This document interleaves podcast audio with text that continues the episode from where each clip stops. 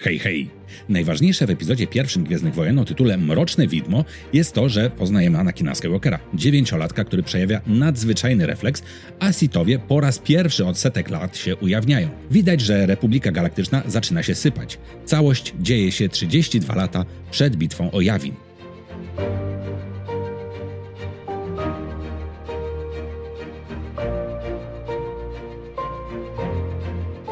Oto skrót wydarzeń. Federacja Handlowa w proteście przeciwko cłom blokuje planetę Nabu, należącą do Republiki, gdzie żyje lud Nabu z królową Amidalą na czele. Rada Jedi wysyła dwóch mediatorów na planetę, Qui-Gon Jinna i jego ucznia Obi-Wana Kenobiego. Okazuje się, że Federacja Handlowa nie tylko blokuje planetę, ale też przeprowadziła desant droidów. Droidy są głupie i słabe, ale jest ich dużo i to stanowi główny problem. Jedi, pomimo podjęcia prób negocjacji, lądują na planecie i tam okazuje się, że planetę zamieszkuje też gatunek Gangan, o którym jakoś wszyscy zapomnieli i wszyscy są strasznie zdziwieni. Z podwodnego miasta Gangan Jedi dostają transport do Theed, stolicy Nabu.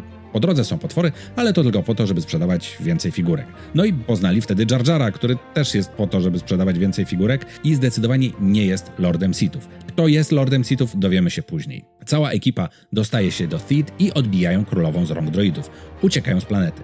W wyniku ostrzału jednak statek ucierpiał i muszą lecieć na Tatooine, aby naprawić hipernapet. Aha, no i poznajemy Artuditu. Lądują na Tatooine i tam okazuje się, że wymaganą część ma handlarz Watto. Poznajemy oczywiście Padmę, czyli dwórkę królowej, która upiera się aby towarzyszyć Jedi w eksploracji planety. Generalnie jest ciekawie, bo statek królowej jest sprzętem wykonanym na zamówienie i w zasadzie jedynym w swoim rodzaju, a tutaj losowy handlarz na zadupiu ma do niego części. No w każdym razie królową ani Jedi na nie nie stać, aby kupić tą część i wtedy pojawia się niewolnik należący do Watto, czyli Anakin Skywalker.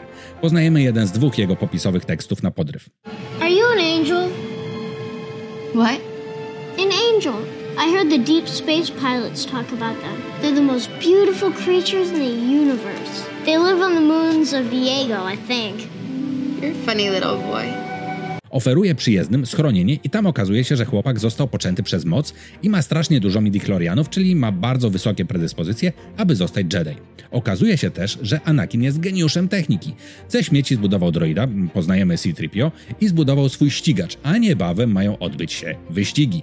Qui-Gon Jinn obstawia na wyścigach, a Anakin, choć z problemami je wygrywa i okazuje się, że poza wygranym modułem hipernapędu, Anakin wygrywa też swoją wolność. Podczas powrotu na statek nieznany wojownik z mieczem atakuje Qui-Gona i Anakina. Obaj po krótkiej walce uciekają. Jedi zabierają go na Coruscant, gdzie odbywa się test Anakina. Jedi stwierdzają, że on w istocie jest potężnym mocą, ale go nie przeszkolą, bo jest za stary.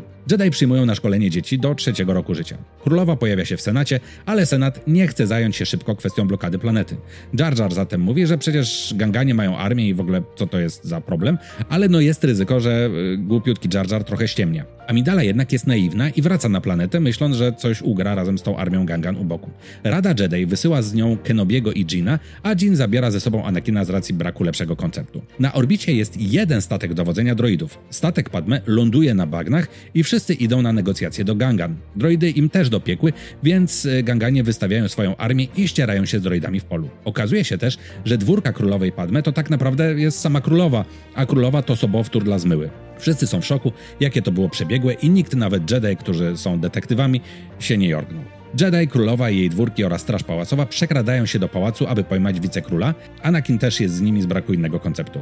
Uwalniają pilotów, Jedi ścierają się z Sithem Maulem, który walczy podwójnym mieczem, wow.